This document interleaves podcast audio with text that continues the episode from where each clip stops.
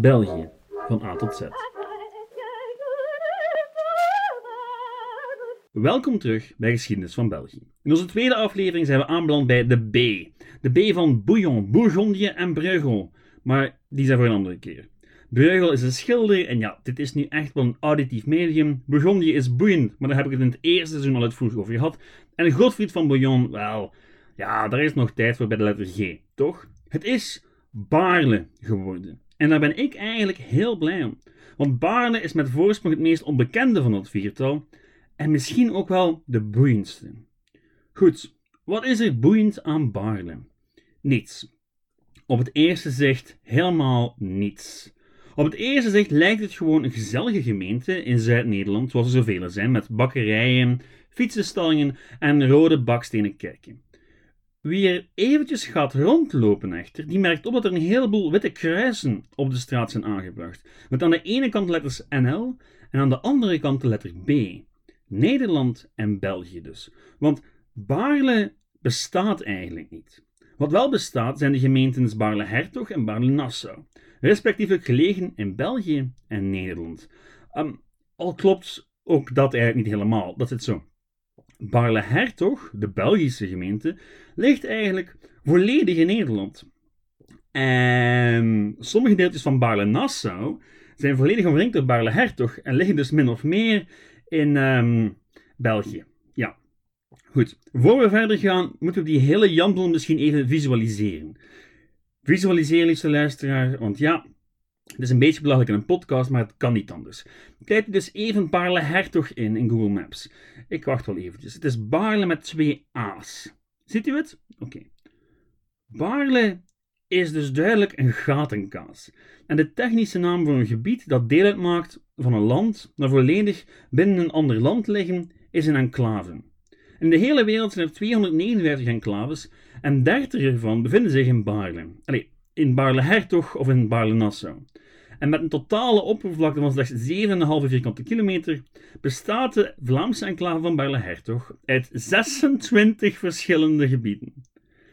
En daarvan zijn er 22 omringd door Nederland, drie liggen er op de grens tussen de twee landen en één in België zelf. Op zijn beurt verbergt de Vlaamse exclave zich binnen haar grenzen ook Nederlandse contra-enclaves. Dat is een enclave in een enclave. En goed, dat is niet alleen verwarrend voor u en voor mij, maar het heeft ook heel grote gevolgen voor de inwoners van beide Baarles. Want je hebt dus op ja, min of meer één grondgebied twee verschillende gemeentes. Met twee verschillende burgemeesters, twee politiekorpsen, twee postdiensten, twee busmaatschappijen en verschillende wetten afhankelijk van op welke specifieke vierkante meter van Baarle je nu eigenlijk woont. Het is dus, op zijn zachtst gezegd, relatief verwarrend te noemen. En als je in Baarle rondloopt, is het gelukkig wel steeds duidelijk in welk land je eigenlijk rondloopt. Dankzij die witte lijnen die overal doorheen lopen. Letterlijk doorheen lopen.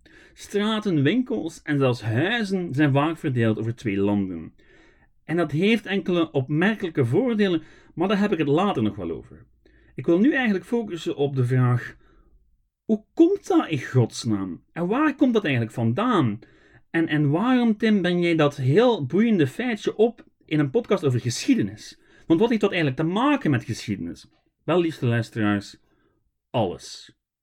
Alles heeft te maken met geschiedenis, zo ook, zo ook Baarle. En waarom dat eigenlijk een heel vreemd hybride dorpje geworden is.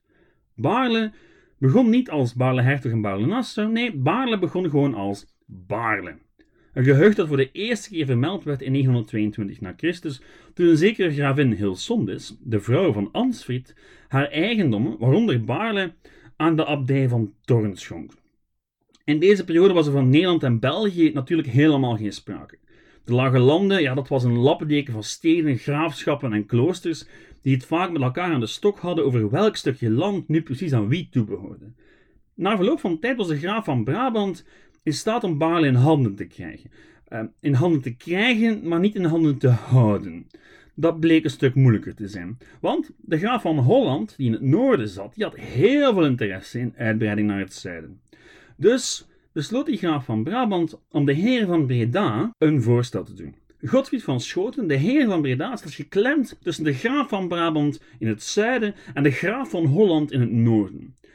Ja, en uiteindelijk kon die arme Godfried niet anders doen dan een kant te kiezen. En hij koos de graaf van Brabant. En hij gaf al zijn landen aan de graaf van Brabant. En die gaf ze onmiddellijk in leen terug aan Godfried. En hij voerde nog wat extra stukjes land aan toe uit dankbaarheid. Maar, dit is een hele grote maar, binnen dat gebied bleven de mensen die al trouw waren aan de graaf van Brabant voor de deal, aan hem gebonden. En dus niet aan onze Godfried. Dus kreeg je in het gebiedje van, van Godfried enclaves die trouw waren aan de hertog. Want die graaf die werd niet veel later hertog. En werd Baarle dus Baarle hertog. Vandaar komt die naam. Nu, Baarle Breda, want vanaf nu heb je eigenlijk al die splitsing tussen beiden. Baarle Breda kwam later in handen van de graaf van Nassau en werd dus Baarle Nassau. Zo dus de verklaring voor het hedendaagse Baarle. Maar ik zit nog met een vraag, en u misschien ook. Dit gebeurt allemaal rond 1198. 1198. Hoe is het in godsnaam mogelijk dat die hele situatie is blijven duren tot vandaag de dag? Hoe komt het dat een, ja, een oplossing tussen een boel graven en heren in de 12e eeuw na Christus leidt tot ja, een situatie die vandaag de dag nog altijd bestaat? En hoe komt het dat niemand in een periode van meer dan 800 jaar slaagde om die duidelijk belachelijke stand van zaken op te lossen? Wel, als u het mij vraagt, heeft het te maken met twee zaken. Enerzijds het gebruikelijke mengsel van chaos en toeval dat zo eigen is aan geschiedenis in het algemeen en de Belgische geschiedenis in het bijzonder. En anderzijds is dat de meeste van ons niet onmiddellijk associëren met de middeleeuwen. Respect voor de wet. Want, zoals u wel weet, zijn grenzen altijd lijntjes op papier. En de enige reden dat die ook echt iets te betekenen hebben, is omdat mensen ze als realiteit beschouwen. En eigenlijk is dat een beetje vreemd. Ik zal een voorbeeld geven. Ik was ooit in de Zwitserse Alpen aan het wandelen met een kameraad, toen we plots per toeval op de grens met Italië stoten. Letterlijk stoten, want er stond een oude verweerde grenssteen waar we bijna tegenliepen. En aan de ene kant van de steen lag Zwitserland en aan de andere kant Italië. Blijkbaar. Want ja, voor ons zag dat berglandschap aan beide kanten van die steen er even onherbergzaam en leeg uit als aan de andere kant. En toch stond daar de grens. En spendeerde mijn kameraad vijf minuten met over en weer te huppelen, telkens uitroepend in welk land hij zich nu precies bevond. Italië, Zwitserland, Italië, Zwitserland. Nu, hoe belangrijk dat ook is, als mensen dat soort denkbeeldige lijnen herkennen, ja, dan worden die ook echt, dan hebben die ook impact. En in de hele geschiedenis van Baarle, sinds 1198, hebben de overheden die lijnen ook altijd gerespecteerd. Allee, min of meer. Al moest men er af en toe wel eens een kaart bij halen om na te gaan waar die lijnen nu eigenlijk lagen.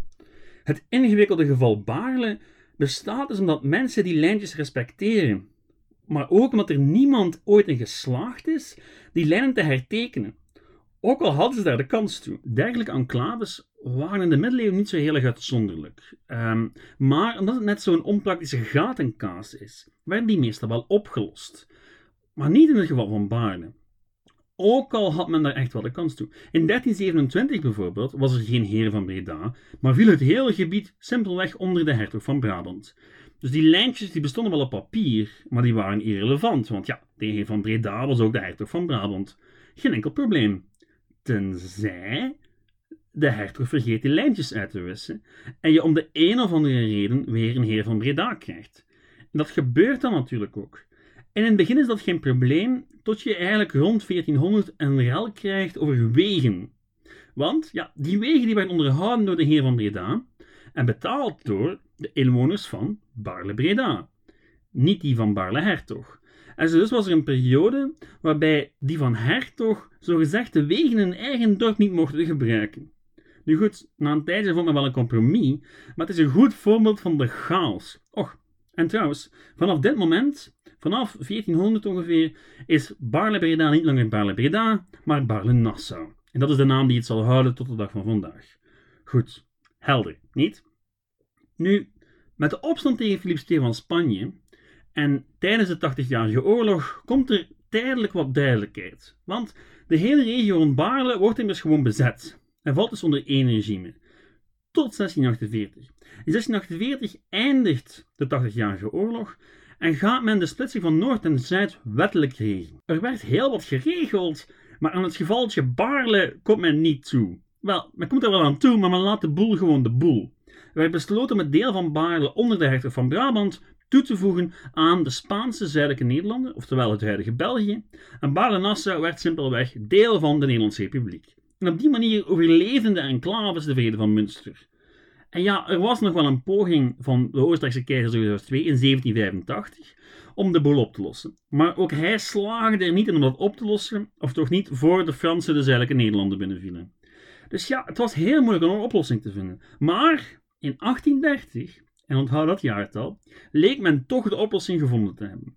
Ondertussen behoorden zowel Baarle-Hertog als Baarle-Nassau tot hetzelfde land, zijnde het Verenigde Koninkrijk der Nederlanden. Het enige dat nog moest opgelost worden was waar men dan precies de provinciale grens zou leggen, en dan kon men van die twee Baarles één gemeente maken. Logisch, toch?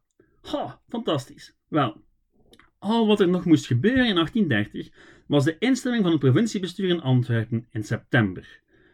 September 1830. En vanaf september 1830 kon de Verenigde Gemeente Baarle aan een nieuw bestaan beginnen als een legaal geheel.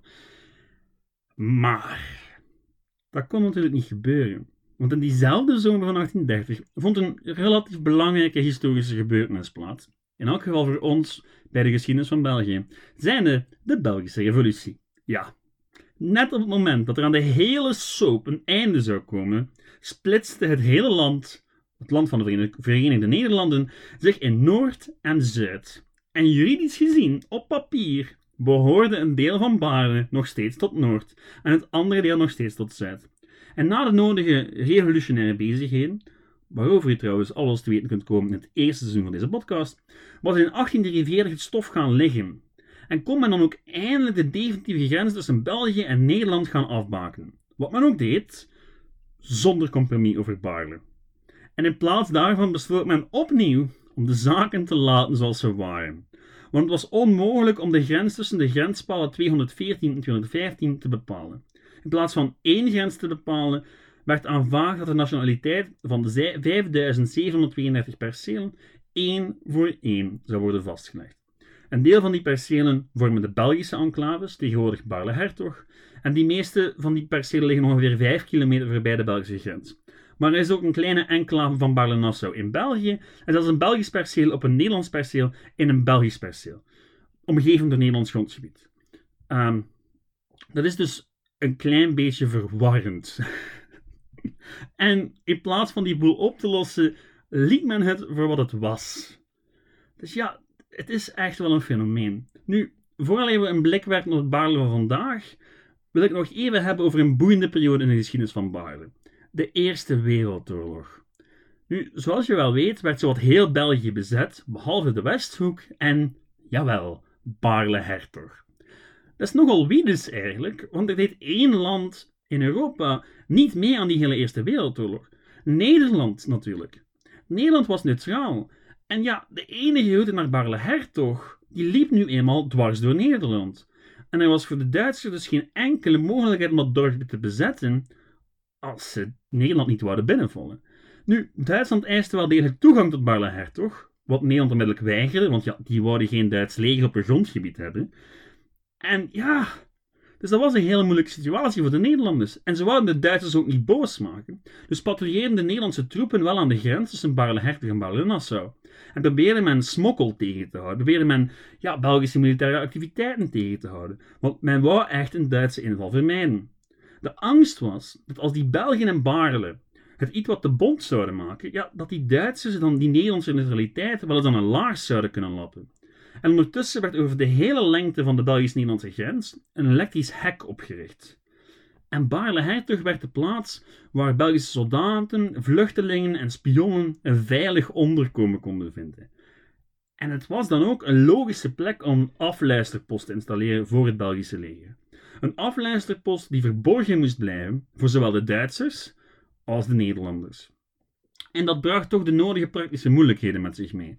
Want hoe gaat men al het materiaal België, Baarle-Hertog, binnensmokkelen zonder de aandacht van de Nederlanders te trekken. Uiteindelijk bouwde men enkele schuren op een veld dat eigendom was van de Belgische burgemeester van Baarle-Hertog. En ja, het lukte. Men slaagde erin om alles geheim te houden, ook al waren er enkele geruchten. En die geruchten die werden nog een stuk erger toen op een bepaalde dag een telegram arriveerde vanuit Frankrijk voor een radiostation in Baarle-Duc. Baarle-Hertog dus. Maar goed, de Belgen wisten het uit te leggen door te beweren dat het uh, telegram bestemd was voor het bestaande Franse dorpje nabij Verdun, Bar-le-Duc. Goed, een uitleg is een uitleg. En iedereen geloofde die smoes. Eens de schuren af waren, begon men het materiaal voor de radio Barle Hertog binnen te smokkelen. Het meeste verstopt in een groentekar, letterlijk tussen de patatten en de prei dus. Wat niet in de groentekar paste, was de 40 meter lange antenne.